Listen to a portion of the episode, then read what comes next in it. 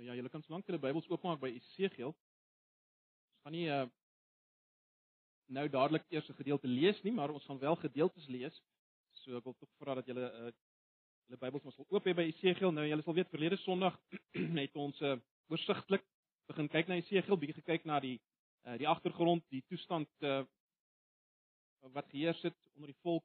En dan spesifiek het ons eintlik gefokus op die man Esegiel, né? Nee, die man Esegiel uh wie hy was, uh wat hy gedoen het en ehm um, ons het uiteindelik geëindig met met met die uitdaging uh vir ons wat Nuwe Testamentiese priesters en profete is.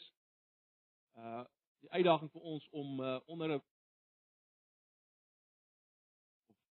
in 'n tyd onder mense wat in 'n sekere sin ook onder vals sekerheid verkeer soos in Jesegiel se tyd om uh as te ware sendelinge onder hulle te wees. Dit was die uitdaging waarmee ons geëindig. Maar goed, kom ons bid saam vir ons uh vanoggend bietjie meer gaan fokus op die op die boodskap van Jesegiel. Kom ons kom ons raak net stil weer voor die Here. Ag Here, ja, ons kom nou weer na U toe. Ons wil vra dat U vir ons nou sal help om en alles wat ons nou gaan sê, U groot te maak en te verheerlik.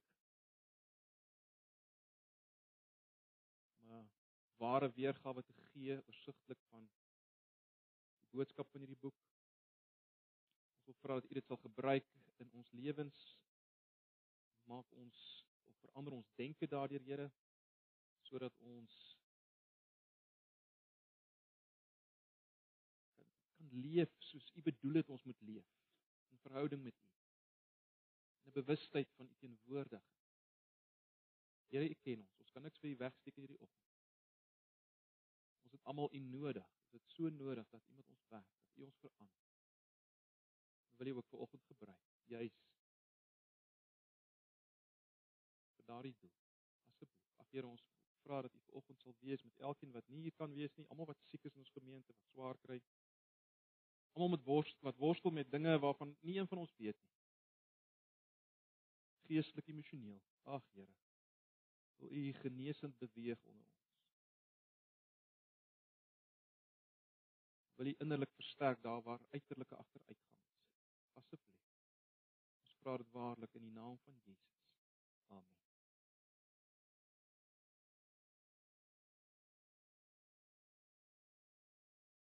Nou, ons ken almal die uitdrukking God verlatendheid, né? Nee.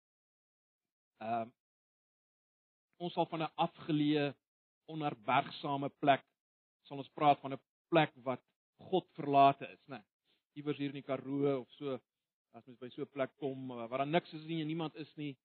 Ehm um, waar jy jouself kan oor asemhaal, dan praat jy van 'n plek wat God verlate is. Nou in Esegiel is die volk op 'n plek uh wat beide geestelik en fisies beskryf kan word as 'n plek van God verlatendheid. God verlaat. En Esegiel kom en hy wys hoekom is hierdie volk op hierdie plek? Hy kom wys ons wie is hierdie God waarvan ons praat En uiteindelik wys hy vir ons dat dat hierdie God nie wil hê sy mense moet as te ware wegwees van hom nie. Of anders gestel, hy wil nie ten diepste wegwees van sy mense. Hy wil nie hê hulle moet in 'n toestand wees van God verlatendheid. Hy wil hulle nie daar los nie. So kom ons bedink 'n bietjie hierdie hierdie boodskap van Esegiel van nader. Uh Ek weet nie of julle al 1 Samuel gelees het nie, maar in 1 Samuel 4 vers 21 kry ons 'n woord wat baie beskrywend is uh van Israel op op hierdie spesifieke tyd waarin Jesegiel optree. En dis die woord Ikabod. Julle het dit al gelees? Uh letterlik beteken die woord die die eer van God is weg uit Israel. Of die teenwoordigheid van God is weg uit Israel. Of die jy kan dit selfs so vertaal met die heerlikheid van God is weg uit Israel. So dis 'n is 'n mooi woord uh wat gebruik word om eintlik God verlatendheid uh te beskryf of te verwys na God verlatendheid. Nou daar in 1 Samuel natuurlik verwys dit na 'n totaal ander situasie. Uh die situasie daar is dat die ark van God was uh, letterlik gesteel gewees en en en die ark was die plek waar waar God se teenwoordigheid was, uh die die ark van God en en daarom uh omdat dit so was kon mense sê dat die teenwoordigheid van God, die eer van God, die heerlikheid van God was weggevat uit Israel toe die ark weggevat is. So dit was die konteks van van uh, 1 Samuel 4 vers 21. Maar hierdie term ikabod is ook baie beskrywend broers en susters van die politieke, die godsdienstige en die morele toestand waarin die volk Israel verkeer het in die tyd waarin Esegiel optree. En dit is baie belangrik om dit te onthou. Die eer van God was weg, die heerlikheid van God was weg. As jy wil, die teenwoordigheid van God was weg uit Israel. Verlede Sondag het ons gesien dat Esegiel wys dat Israel se probleem, die rede vir hulle ballingskap, was daarin geleë dat hulle nie rekening gehou het met wie God is. Hulle het nie rekening gehou met die heiligheid van God aan die een kant en met hulle eie sondigheid aan die ander kant. Die diep aard van hulle sondigheid aan die ander kant. En die gevolge van hierdie vergeetachtigheid was ikabel. Ikabel. God se heerlike teenwoordigheid het verdwyn onder God se mense. Nou hierdie hierdie tema van die verdwyning van die heerlikheid van God kan mens dwars deur die boek sien. As jy so met 'n baie breë kwas, dis baie breë kwas, hoor. As jy met 'n baie breë kwas uh werk oor die boek, dan uh dan kan mens sê hoofstuk 1 tot 3 sê Jesegiel die heerlikheid wat jy nou sien in hierdie visioene in hoofstuk 1, 2 en 3, wel, dit het verdwyn onder my volk. Hierdie visioene van wat wat jy sien van my, my heerlikheid, dit het verdwyn onder die volk. En dan in hoofstuk 4 tot 24 is dit amper meer eksplisiet. Die verdwyning van die heerlikheid van God, soos dit gesien word in die oordeel wat wat uitgespreek word oor Jerusalem en Juda. En dan in hoofstuk 25 tot 48 is daar iets wat van 'n wending, né? Nee. Jesegiel kom en hy gee 'n boodskap van hoop. Hy gee 'n boodskap van hoop. Die heerlikheid van God gaan eendag weer terugkeer na sy mense. Daar gaan 'n herbou van die tempel wees. En ons weet die tempel is die plek waar God gewoon het, né? Nee, met ander woorde, wat Jesegiel wil sê is God gaan weer in hulle midde wees.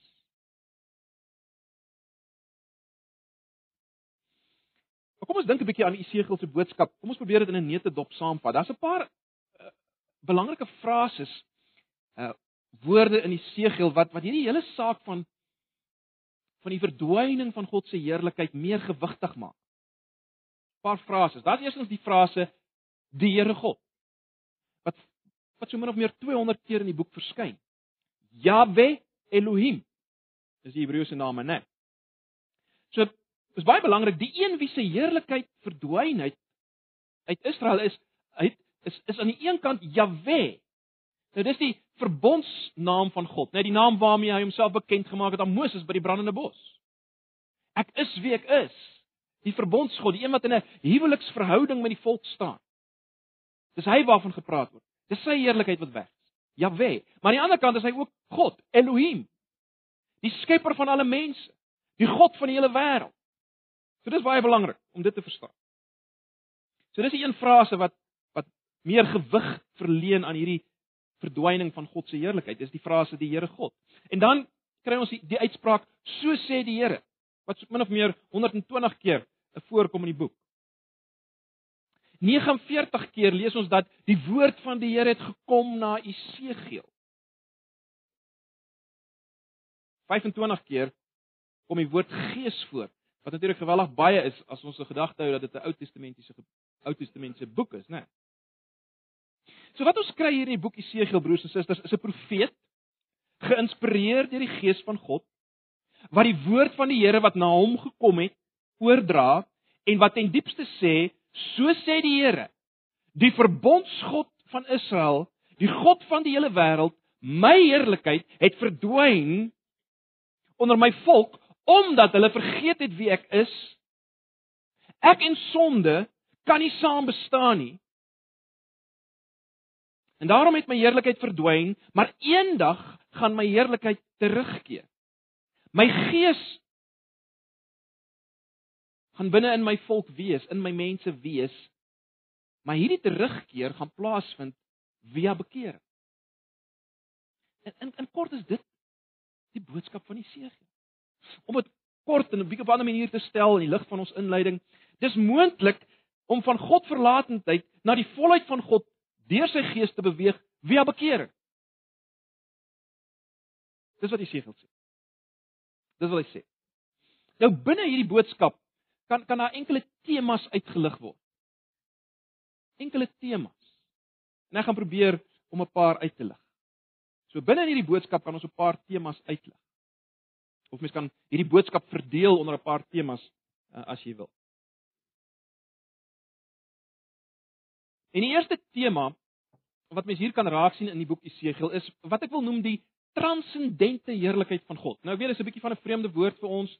Uh, die woord transcendent beteken bloot bo ons, verhewe, te groot vir ons. Uh, die teenoorgestelde van transcendent is die woord immanent, né? Nee, wat weer beteken onder, hier onder, hier by ons. Nou Esegiel lê klem op God se transcendensie. Hy lê klem daar. Dwars deur die boek sien jy dit. In Hoofstuk 1 vers 1 sien mense alreeds as hy praat van gesigte van God. Hy het gesigte van God gesien. Jy sien die die hele Esegiel is vol van die feit dat God nie maar net 'n vriendelike ou man met 'n wit baard is wat daar bo iewers sit en glimlag nie. Nooit in Esegiel is dit die beeld van God wat ons kry nie. Nee. Hierdie God is so verhewe, so groot dat Esegiel net gesigte van hom kan sien, net verskynings van hom kan sien. Hy kan nooit God vasvat nie. Hy kan nooit God self sien nie. Hy sien net gesigte van God. Hy kan God nie beskryf. Hy sien net iets van hom, manifestasies van hom. Hoekom? Want God is te groot. God is te transcendent. Jy kan dit anders stel en sê hy's te heilig, want een van die betekenisse van heilig is anders. Hy's te anders. Hy's te volkome. Vir Esegiel om om in een moment te sien en daarom sien hy net gesigte van God. So dis een boodskap wat of een 'n uh, tema in die boodskap van Esegiel waarna ons net nou gekyk het. Dis een tema wat duidelik is, die transcendensie van God. Dan is daar 'n tweede tema en ek wil dit so formuleer, die beweeglikheid van God. Nou, ek weet, dit klink bietjie vreemd. Dis is 'n woord wat nie gewoonlik gebruik word as ons van God praat nie, maar ag, ek het dit doelbewus so gestel. Want ek dink ons is so gewoond aan 'n term soos die alomteenwoordigheid van God dat ons nie eintlik dit meer hoor nie en dit sê eintlik vir ons niks. So ek het probeer om dit bietjie anders te stel. Hoekom gebruik ek die term die beweeglikheid van God?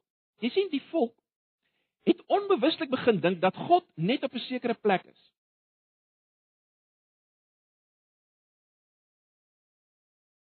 En dat God net op 'n sekere plek kan sien en werk. En daarom het hulle gedink hulle kan wegkom met allerlei geheime sonnetjies wat hulle bedek en in die duister doen. Dis dis aan die een kant so. Aan die ander kant het hulle gedink God is nie hier in Babel nie. Ek meen Babel is 'n is 'n absolute heidense stad. God is nie hier nie. God kan nie daar sien nie. God kan nie daar werk nie. En nou kom Esegiel, of laat ek so stel, nou kom God en hy gee vir Esegiel 'n boot 'n 'n gesig van homself in hoofstuk 1 wat geweldig betekenisvol is. Nou ek gaan nie nou uh, die hele gesig lees want dit is 'n lang gesig, is omtrent die hele hoofstuk 1, so ons gaan ons gaan te lank vat. Ek vertrou julle het dit al het julle al hoofstuk 1 gelees of julle gaan dit ten minste lees in julle selfgroep. Maar hier vanaf vers 4 veral kry ons hierdie gesig. Nou ek gaan probeer om om kort kortliks te verduidelik wat sien Esegiel hier. Wat ons hier kry in hierdie gesig vanaf vers 4 in hoofstuk 1. Ons kry hier in 'n sin 'n troon. In die eerste plek kry ons eintlik die onderkant van hierdie troon wat bestaan uit vier lewende wesens. So kry die prentjie in jou kop. En julle as julle dit gaan lees later dan sal julle nou dit verstaan. Hy kry 'n prentjie van 'n troon. Eerstens die onderste deel van die troon wat bestaan uit vier lewende wesens met vlerke wat uitgestrek is. En die vlerke raak nou aan mekaar. En so vorm hulle eintlik 'n vierkant. As jy wil 'n uh, 'n hol vierkant, want binne in hierdie vierkant wat nou gevorm word deur hierdie vier lewende wesens se vlerke wat aan mekaar raak, binne hierdie vierkant is daar fakkels en weerlig en vier flitsse, geweldig, aangrypend. Elkeen van hierdie vier lewende wesens op hierdie vier hoeke het vier gesigte gehad. Daar's 'n menslike gesig. Waarskynlik het dit gestaan vir die of staan vir intelligensie. 'n Menslike gesig. Dan is daar 'n leeu gesig uh, wat ons weet natuurlik 'n tipe van 'n koninklikheid simboliseer. Ons weet ek uiteindelik word Jesus uitgebeeld as 'n leeu. Daar's 'n leeu gesig. Dan is daar 'n bul gesig. 'n Bul in die Bybel is gewoonlik die simbool van krag. En dan is daar 'n arend gesig, sal julle sien. En 'n arend in die Bybel dra gewoonlik die beeld oor van empatie, ontferming. Dink aan Eksodus 19 vers 4 waar die Here sê ek het julle op arendsvlerke gedra. So, elkeen van die vier lewende wesens het vier gesigte gehad. En bokant hierdie wesens se koppe hierdie dierkoppe was daar 'n soort van 'n platform, nie regtig 'n uh, nie 'n platform wat nie regtig plat was nie, maar maar dit as te ware gelê bo op hierdie koppe. So hierdie koppe ondersteun as te ware hierdie soort van 'n platform wat lyk soos 'n ysberg, sê Esegiel in vers 22. Iets soos 'n ysberg en bo op hierdie ysberg was daar 'n troon en bo op hierdie troon 'n wese. Dis wat hy sien. 'n Gryp van 'n beeld. Nou, dit stem geweldig ooreen met wat Johannes in Openbaring 4 sien, né? Ek gaan vir julle dit lees. Luister maar net na wat sien op Johannes in Openbaring 4 vanaf vers 2. Ek gaan dit net vir julle lees. Onmiddellik is ek deur die Gees meegevoer. Ek het gesien daar staan 'n troon in die hemel en op die troon sit daar iemand. Sy voorkoms was soos opaal en karnieul. Om die troon was daar 'n reënboog met die glans van smarag. Reg rondom die troon was daar 24 ander trone en op die trone het daar 24 ouderlinge gesit. Hulle het wit klere aangetree en op hulle koppe was daar goue krones. Daar het weerligstrale, dreunings en donderslae van die troon af gekom. Vlak voor die troon het sewe fakkels helder gebrand. Gebrand, dit is die sewe geeste van God. En dan veral van vers 6 af. Voor die uh, troon was dit soos 'n spieelgladde see, helder soos kristal. Naby rondom die troon was daar vier lewende wesens, vol oë van voor en van agter. Die eerste lewende wese het soos 'n leeu gelyk. En die tweede soos 'n bul. En die derde het gesig soos die van 'n mens gehad en die vierde het gelyk soos 'n arend wat vlieg. Elkeen van die vier lewende wesens het ses vlerke gehad wat aan die bokant en aan die onderkant vol oë was. Hulle dag en nag sonder om te rus gesê: Heilig, heilig is die Here God, die Almagtige, hy wat was en wat is en wat kom. Maar wat is die groot verskil tussen hierdie beeld en die beeld in die segel. Want dis eintlik die punt waar ek wil kom. Onthou ons ek het gesê die die tweede tema is die beweeglikheid van God. Wat is die groot verskil tussen hierdie beeld in Openbaring en die een in die segel? Kan julle vir my sê as julle miskien vinnig kyk daarvan af vers 20. Wat wat skry mense in die beeld in die segel wat vreemd is? Wat se ding kry mense in daai beeld? Wat sê jy? Wiele. Ja, wiele. Jy skryf wiele. Jy kry dit nie in in in in die, in die beeld in Openbaring of in enige ander plek nie. Jy kry wiele wat beweeg waarin die Gees hulle ook laat beweeg volgens vers 20. Wat wil God waarskynlik hierdeur sê broers en susters vir sy volk? Wel hy wil vir hulle sê ek die heerlike groot transcendente wese is mobiel. Of anders gestel, my troon en ons weet die troon van God staan vir sy heerskappy. My heerskappy is beweeglik. My heerskappy is beweeglik. Ek kan oral kom. Ek is nie vasgemaak op een plek nie. Ek is nie net daar in Jerusalem by die tempel nie. Ek is ook hier in Babel. Ek is beweeglik in al my transcendente heerlikheid. Ek is beweeglik. So dis waarskynlik wat God wil wys deur hierdie aangrypende beeld met die wiele. Ek weet alles. Ek is oral. Ek sien alles. Ek beweeg. So dis 'n tweede tema in die boek Esegiel is die beweeglikheid. As jy wil en jy wil dit nou meer mooi teologies stel, dan kan jy sê sy alomteenwoordigheid. Maar ek dink tog is belangrik dat ons hierdie hierdie aspek van beweeglikheid raak sien in Jesegiel. 'n Derde tema in Jesegiel is die absolute sondigheid van die mens. Die absolute sondigheid van die mens. En dit vloei natuurlik nou voort uit hierdie vorige twee temas. Want jy sien, as jy iets van die geweldige grootheid, die transcendensie, die heiligheid van God gesien het. En as jy weet hy's oral, hy kan oral sien, hy's bewus van alles wat gebeur ook in die duister, dan begin jy jou eie sondigheid en die sondigheid van die rondom jou raak sien. En dis natuurlik presies wat met Jesaja gebeur het in Jesaja 6 vers 5 as hy as hy iets van God sien dan roep hy uit wee my ek is verlore, ek is onrein en ek woon onder 'n volk wat onrein is. Hy het iets gesien van God se heerlikheid, Jesaja, Jesaja 6 vers 5. En dis wat hier gebeur. Jesegiel het iets van God gesien. En omdat hy iets van God gesien het, hierdie heerlikheid van God gesien het, het hy begin bewus raak dat die volk maak staat op die feit dat hulle die volk van die Here is. Hulle maak staat op die feit dat hulle die Here aan hulle kant het. Maar maak 'n groot fout. En nou kom Jesegiel en hy kom wys byvoorbeeld in Jesegiel 16 dat Israel soos 'n prostituut is. Geestelik gesproke is sy 'n prostituut. Dis haar toestand. Hierdie volk van God is 'n prostituut. Dis wat Jesegiel sê.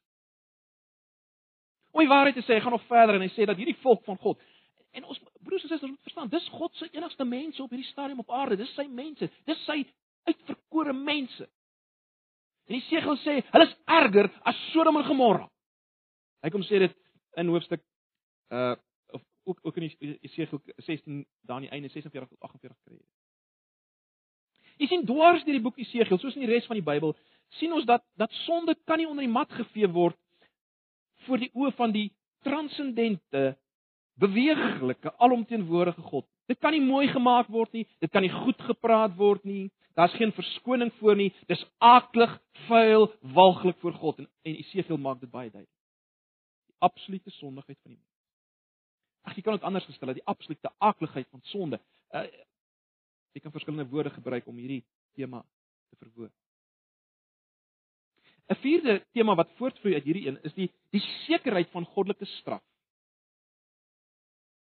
Jesegiel wys in 'n sin dat dat die einde van die pad vir Juda en Jerusalem aangebreek het. Hulle gaan uitgewerp, hulle gaan gestraf word. Jesegiel wys hulle vernietiging gaan omvattend wees. Hy praat van eh, die mense wat in vier windrigtings verstrooi gaan word. Hy praat op 'n stadium en hy sê hulle gaan vleis vir die kookpot word. Hy sê hulle gaan gekook word totdat hulle 'n hoop as gaan wees. Gaan gaan lees maar hoofstuk 24. Geweldige beelde.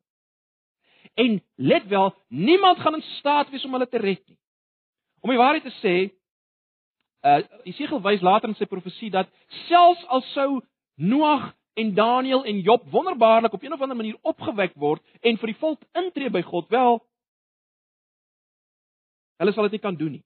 Al hulle geregtigheid saam sal nie die volk kan red nie. Dis wat Jesegiel wys. Om die waarheid te sê, daar was niemand. Daar was geen profeet wat aan die bres kon tree vir die volk nie. Nou let wel, dit beteken nie dat niemand gewillig was om in die bres te tree nie. Ek dink ons gebruik baie keer daai gedeelte bietjie verkeerd, maar goed. Eh, dit beteken nie niemand was gewillig nie. Esegiel was verskeidelik gewillig, maar God het hom met stomheid geslaan. God slaan hom met stomheid sodat hy nie in die bres kon tree nie. God was vasbeslote in sy regverdige oordeel of in sy regverdige toorn. Hy was vasbeslote om sonde te straf. Niks sou dit kon keer nie. Luister net na hierdie skrikwekkende uitspraak in hoofstuk 9 vers 6. Luister. Maak dood en roei uit die ou mense, die jong manne, die jong vroue, die kinders en vrouens. Moenie net nie raak aan die wat die merk het nie. Ek sal net nou iets daaroor sê. Hulle het toe begin met die ou manne voor die tempel. God sê, roei uit, maak dood, begin by die ou manne voor die tempel. En dis baie insiggewend, né? Nee. Hierdie oordeel begin presies by die plek waar die heerlikheid begin verdwyn het, naamlik by die tempel. By die tempel. Dis waar dinge begin verkeerd loop. By die plek waar God aanbid. En die oordeel begin daar. En hou dit maar so in die agterkop. Ek gaan nie nou 'n opmerking maak oor oor hierdie merk of of of hierdie mense wat die merk het nie. Wat waarskynlik verwys na die die sogenaamde oorblyfsel. Ek gaan nie nou 'n opmerking daaroor maak nie, want dit gaan nie nou inpas nie. So ons sal later daaroor praat. Belangrik net hierdie vierde tema is die sekerheid van God se regverdige oordeel oor sonde. Dit moet ons raak sien in die boek Jesegiel as ons daarmee besig is. En dan is daar 'n vyfde tema, naamlik die hoop van toekomstige herstel en die rol van die Gees. Die hoop op toekomstige herstel en die rol van die Gees. Nou daar's net 3 profete in die Bybel wat geskryf het terwyl hulle uit die land was. En dit was natuurlik Jesegiel, Daniël en Johannes op Patmos, né? Nee. Al drie van hulle gebruik die sogenaamde apokaliptiese genre. Geweldige waar hulle geweldige beelde en in simboliese taal praat oor God en sy oordeel. Maar ook in al hierdie boeke is 'n geweldige boodskap van hoop, né? Nee. te midde van hierdie oordeelsboodskap. En ons kry dan ook in Esegiel 34 wonderlike beloftes. Miskien kan julle vinnig daarna kyk. Hier vanaf Esegiel 34. Kyk na vers 24 in Esegiel 34. Daar kry ons dit vir die eerste keer. Daar's wonderlike beloftes oor Dawid. Let wel. Daar's wonderlike beloftes oor Dawid. Kyk na vers 24 van Esegiel 34. Ek die Here eh, ek die Here sal hulle God wees. So dis belofte van wat sal wees, né? Nee. Ek die Here sal hulle God wees en my dienaar Dawid sal oor hulle regeer. Ek die Here dit gesê. Dan kan jy gou geblaai na Esegiel 37 vers 24.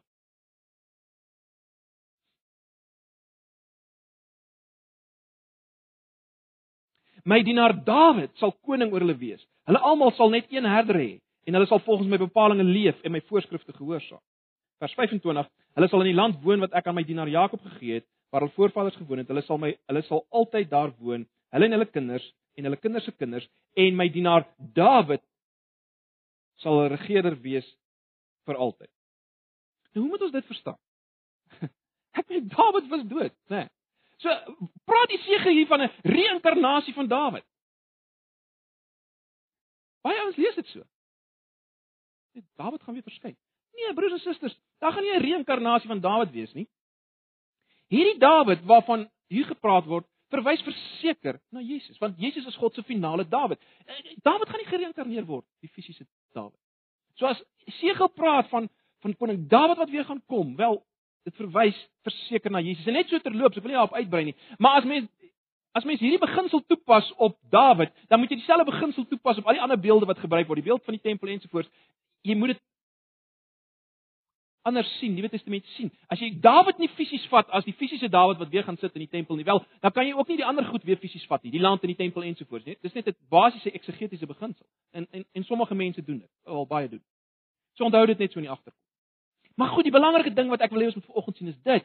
Die herstel waarop Jesegiel hoop, hou verband met Dawid wat gaan kom, Jesus. So die herstel wat kom hou verband met hom. En in dieselfde hoofstuk 37 is daar 'n visioen van julle sal weet daardie vallei met dor dor bene. Daar's geen lewe nie. Hy sien 'n massa klomp dor bene daar lê. En dan uiteindelik Eers as die gees in die dorp bene as te ware geblaas word, dan beweeg die bene na mekaar toe. Aangrypend, gaan lees weer Jesegiel 7 nou. Dan dan beweeg hierdie dorp bene na mekaar toe en kry seënings aan en en staan op en uiteindelik word 'n magtige leerskare, hierdie dor gebakte droë bene wat daar in die son gelê het. Wat 'n visioen van herstel, van nuwe lewe uit dorheid en doodsheid. Dis die beeld wat hy kry in Jesegiel 37. In dieselfde hoofstuk waar daar al waar daar gepraat word ook van hierdie Dawid wat gaan heers, né? Nee, baie interessant.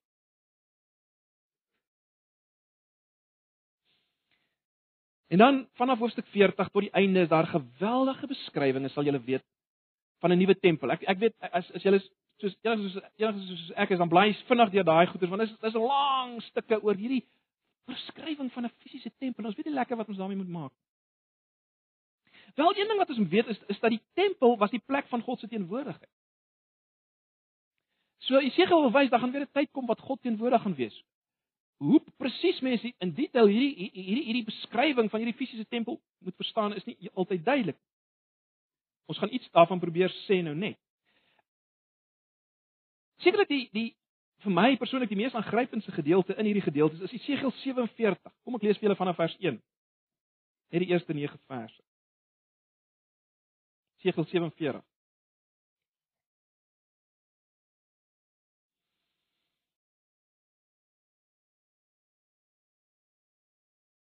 Segel sien hierdie man met 'n meetstok. En dan lees ons in vers 1: Die man met die meetstok het met 'n rug gebring na die ingang van die tempel toe. Toe sien ek daar kom water onder die tempel se drempel uit aan die ooste kant. Die tempel het oos gekyk. Die water het regs van die tempel weggeloop suid van die altaar verby. Die man vat my toe deur die noordpoort uit om na die buitenste oos uh, na die buitenste oospoort toe. Daar syfer die water toe reg langs die poort uit. Die man het oos gestap en met die maatlyn wat hy by hom gehad het uh 500 meter afgemeet van die oospoort af. Toelaat hy my deur die water loop. Dit was enkel diep. Hy het nog 500 meter afgemeet en my deur die water laat loop. Dit was knie diep. Hy het nog 500 meter afgemeet, gemeet en my deur die water laat loop. Dit het tot by die heupe gekom. Toe meet hy nog 500 meter. Maar toe was die water 'n stroom waar ek nie kon deur nie. Die water was diep sodat 'n mens sou moes swem. Dit was 'n stroom waar 'n mens nie deur kon loop nie. Die man sê toe vir my: "Sien jy dit, mens?" Hy laat my toe al langs die stroom terugstap. Terwyl ek so terugstap, sien ek daar staan groot hoë bome weerskante op die stroom se wal. Die man het vir my gesê hierdie water loop weg na die streek oos toe en af na die Jordaan van lei toe waar dit in die dooie see sal inloop. Wanneer dit in die dooie see inloop, sal die water van die dooie see vars word, letterlik lewend word, staan in die uh, letterlike vertaling. Waar die water uh, waar die stroom ook kom, sal dit wemel van die soorte van al die soorte diere en al en sal daar baie vis wees. Die water loop af na die dooie see toe en sal die see vars maak. Waar die stroom kom, sal alles lewe. Wat grypende beeld is dit nie? En ek dink julle sal my saamstem, onmiddellik kan my sien dit is nie bedoel as fisies letterlik nie, nê, nee, maar belangrik wat ons sien is hoe die water in die tempel saamkom. In dieselfde beeld gebruik word. Water natuurlik as simbool van die Gees in die Nuwe Testament saam met God se teenwoordigheid die tempel. So die groot punt wat ons moet raak sien is dat daar is 'n belofte dat God se volk uiteindelik gaan beleef dat hy weer in hulle midde is in oorvloed. So dis in Hebreë wat ons sien in Isegiel. Maar hoe moet ons dit nou verstaan? Ons wat baie baie baie jare daarna leef. Moet ons dit verstaan? Hoe moet ons hierdie oorkoepelende boodskap waarna ons nou vanoggend gekyk het, hoe moet ons dit verstaan en toepas? Wel, as twee hoofpunte wat ek wil noem. In die eerste plek dink ek ons moet Esegiel Bybels teologies verstaan. Met ander woorde, ons moet Esegiel probeer verstaan binne die groter prentjie.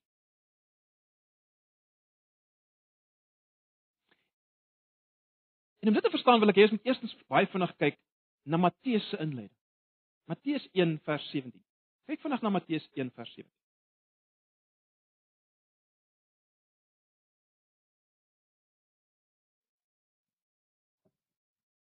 Dis die geslagregister natuurlik van Jesus Christus, né? Nee.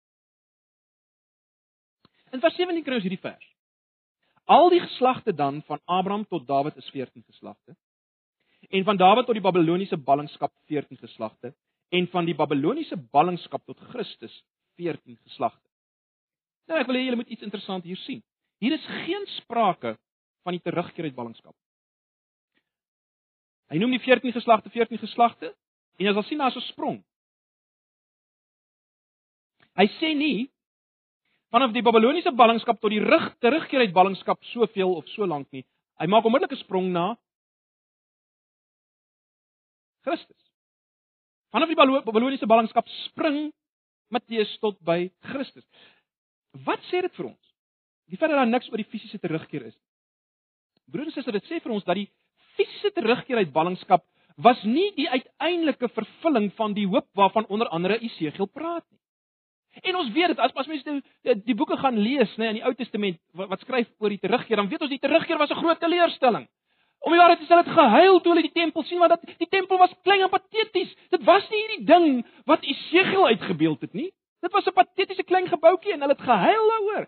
Jy sien die terugkeer, die fisiese terugkeer uit ballingskap was nie die eintlike hoop waaroor Esegiel geskryf het nie. En Matteus wil hê ons moet dit sien as hy al reeds sy inleiding skryf.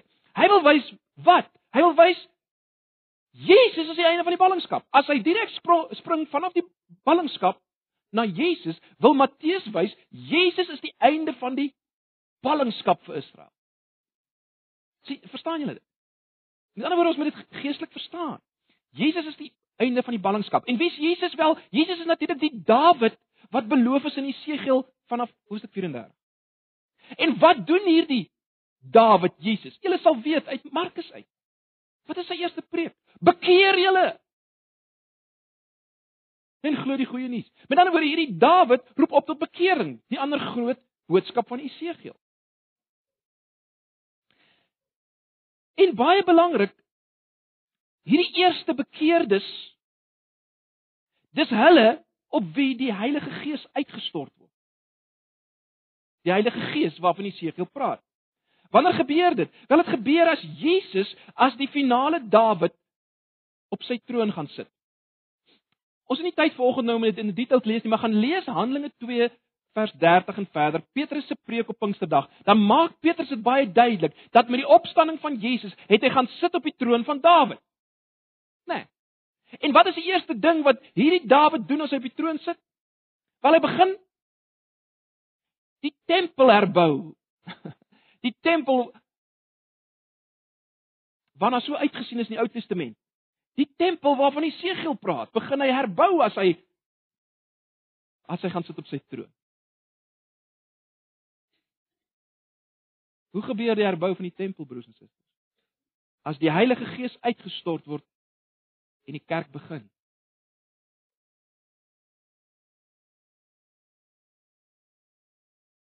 Natuurlik gebeur dit alles baie belangrik.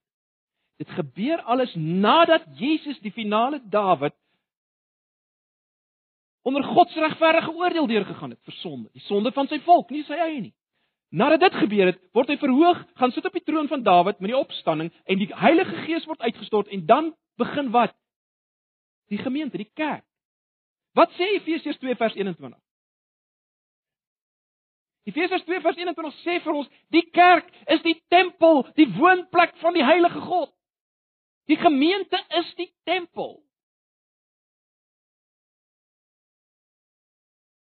Sien, dit dis is ons preekie in geheel verstaan. Baie baie belangrik. Met ander woorde, wat sê ons vir mekaar? Hierdie nuwe tempel, die tempel waarna Esegiel, waarvan Esegiel verwys en dit beskryf in fisiese op 'n fisiese manier geweldig uitbreidend. Hierdie tempel wat soveel heerliker is as die ou tempel. Waarvan niks sprake was in die fisiese herbou van die tempel na ballingskap, dit was pateties geweest. Hierdie tempel, hierdie heerlike tempel, is niks anders as die gemeente waarvan ek en jy deel het. Die kerk van God op aarde en waarvan Antipas 'n plaaslike gestalte is. En is veel heerliker, veel heerliker as die aard fisiese aardse tempel. Broers en susters, dis Bybels teologies die boodskap. Dis 'n boodskap van wonderlike hoop. En dis die plek waar God se gees nou is. Terloops, dieselfde Efesiërs 2 vers uh, aan die einde van Efesiërs 2 daar vers 21 se kant sê dat die die die Die gemeente is die woonplek van God in die Gees. Die woonplek van God in die Gees. Die Gees waarvan die Segel praat. Die kerk is die woonplek van die Gees. Die tempel van God. Glo ons dit? So dis Bybels teologies as ons kyk na Jesegiel. Maar ek dink daar's 'n tweede manier waarop ons dit kan en moet toepas. Ons moet ook behalwe dat ons Bybels teologies dit in die groot prentjie moet sien, moet ons dit ook meer as gemeente gesamentlik en individueel toepas. Boonbehalwe dat ons dit kan ek sê Bybels teologies toepas, né? Nee. Ons het nou al baie gepraat van Romeine 15 vers 4. Romeine 15 vers 4 sê want alles wat tevore geskrywe is, is tot, tot ons lering tevore geskrywe sodat ons deur die leidsame en bemoediging van die skrifte hoop kan hê. En dit geld ook vir Esegiel. Is baie interessant vir my dat Esegiel word so 75 keer, ag 65 keer direk en indirek in die Nuwe Testament aangehaal, waarvan 48 keer in Openbaring voorkom. En ons weet nou al Openbaring gaan oor die die tydperk vanaf die eerste verskyning van Jesus tot sy wederkoms. Die tydperk tydperk waarin ek en jy ook leef en daarom dit sê al klaar vir ons Esegiel is vir ons. En is in hierdie selfde boek Openbaring waar Jesus sê dat hy die kandelaar, die gemeente gaan verwyder as daar nie bekering is. Die segel se boodskap. Die begin van Openbaring, die briewe, né?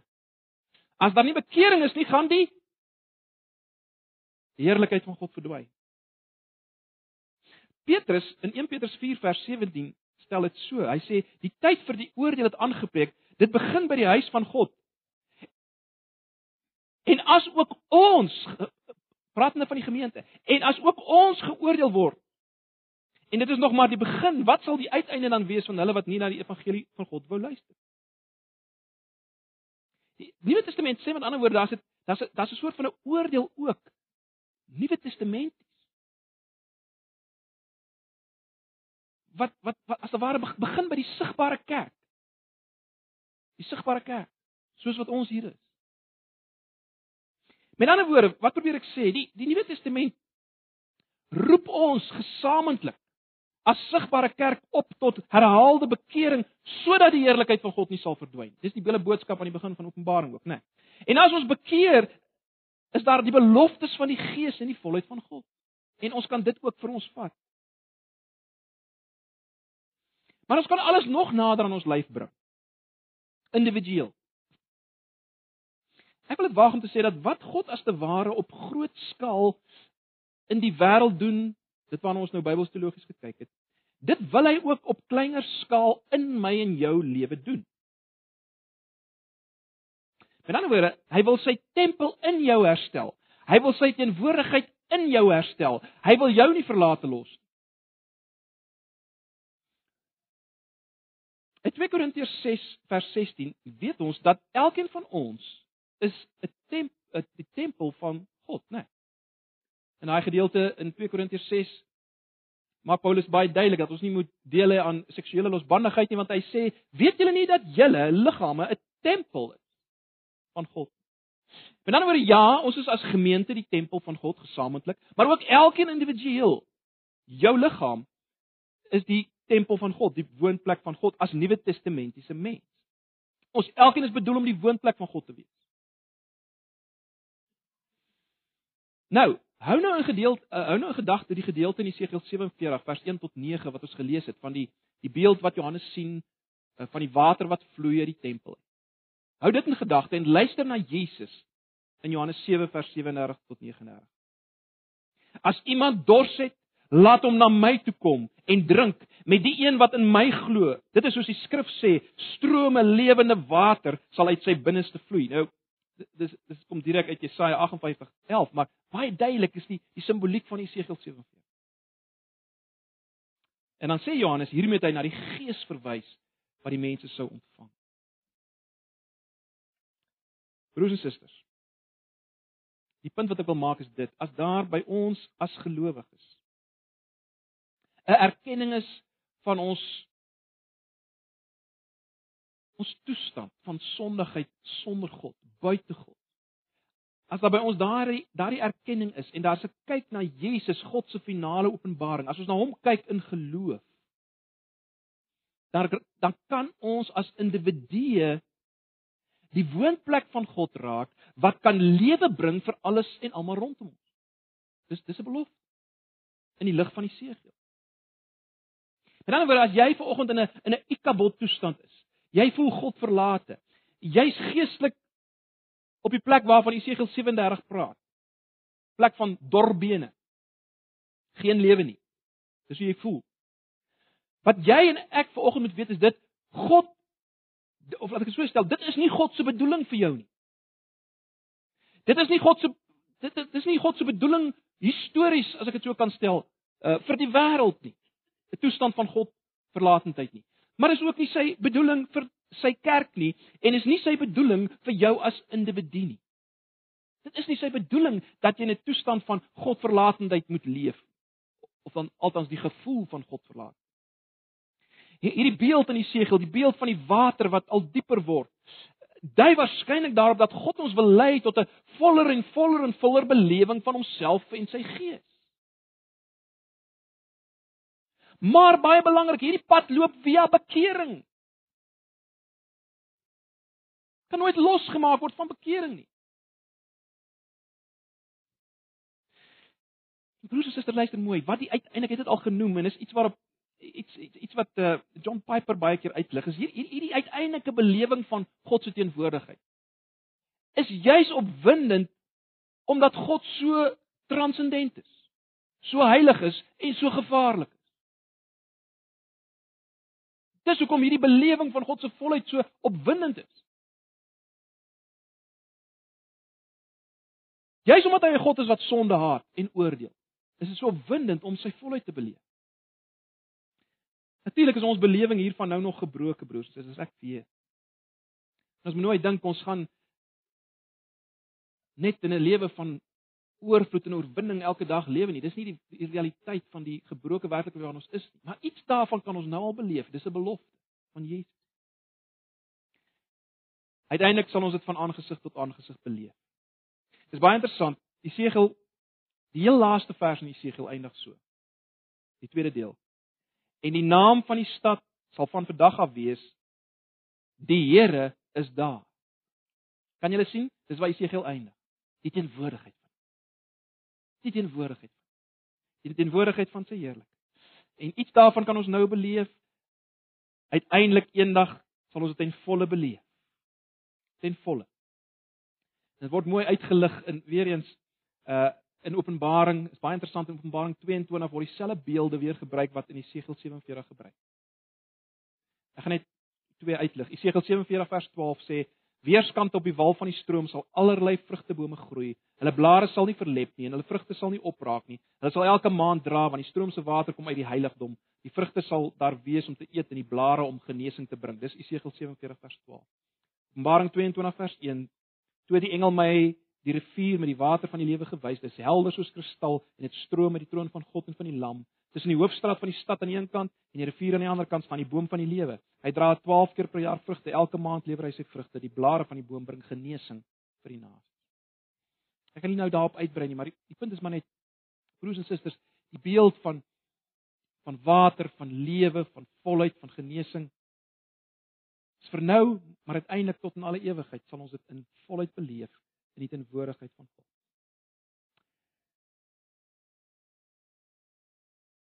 Dis Jesegiel se boodskap. My gebed is as ons nou gaan besig raak in die weke wat kom in ons selfgroepe met Jesegiel, let wel ons gaan uh, nie die hele boek behandel soos met Markus gedoen het nie. Ons gaan temas vat wat veral fokus op God. Wie is God? Maar maar my gebed is as ons begin sien wie's God in Jesegiel, dan gaan al hierdie ander dinge gaan ons begin raak sien in in hierdie studie. Ons sal dit begin raak sien. Uh en en ek vertrou dat die Here dit sal gebruik om ons te bring tot nuwe belewing van die teenwoordigheid van God. Uh die werklikheid van God in ons eie lewens en in die gemeente. Kom ons bid saam.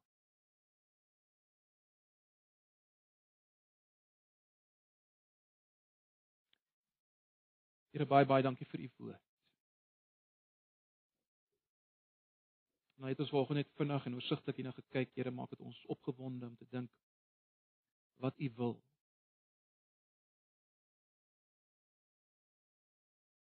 Dankie dat ons vanoggend kan weet u wil nie afwesig wees. U wil in ons midde wees. Maar ag Here, wil u deur die Gees dit op ons duidelik maak vanoggend dat hierdie pad na die belewing van u teenwoordigheid is altyd via bekering. As ons begin raak sien wie is, wie ons is. Maar dankie weer eens vir Jesus. Jesus ons finale Dawid wat alles kom moontlik maak. Ons eer U daar. In Jesus se naam.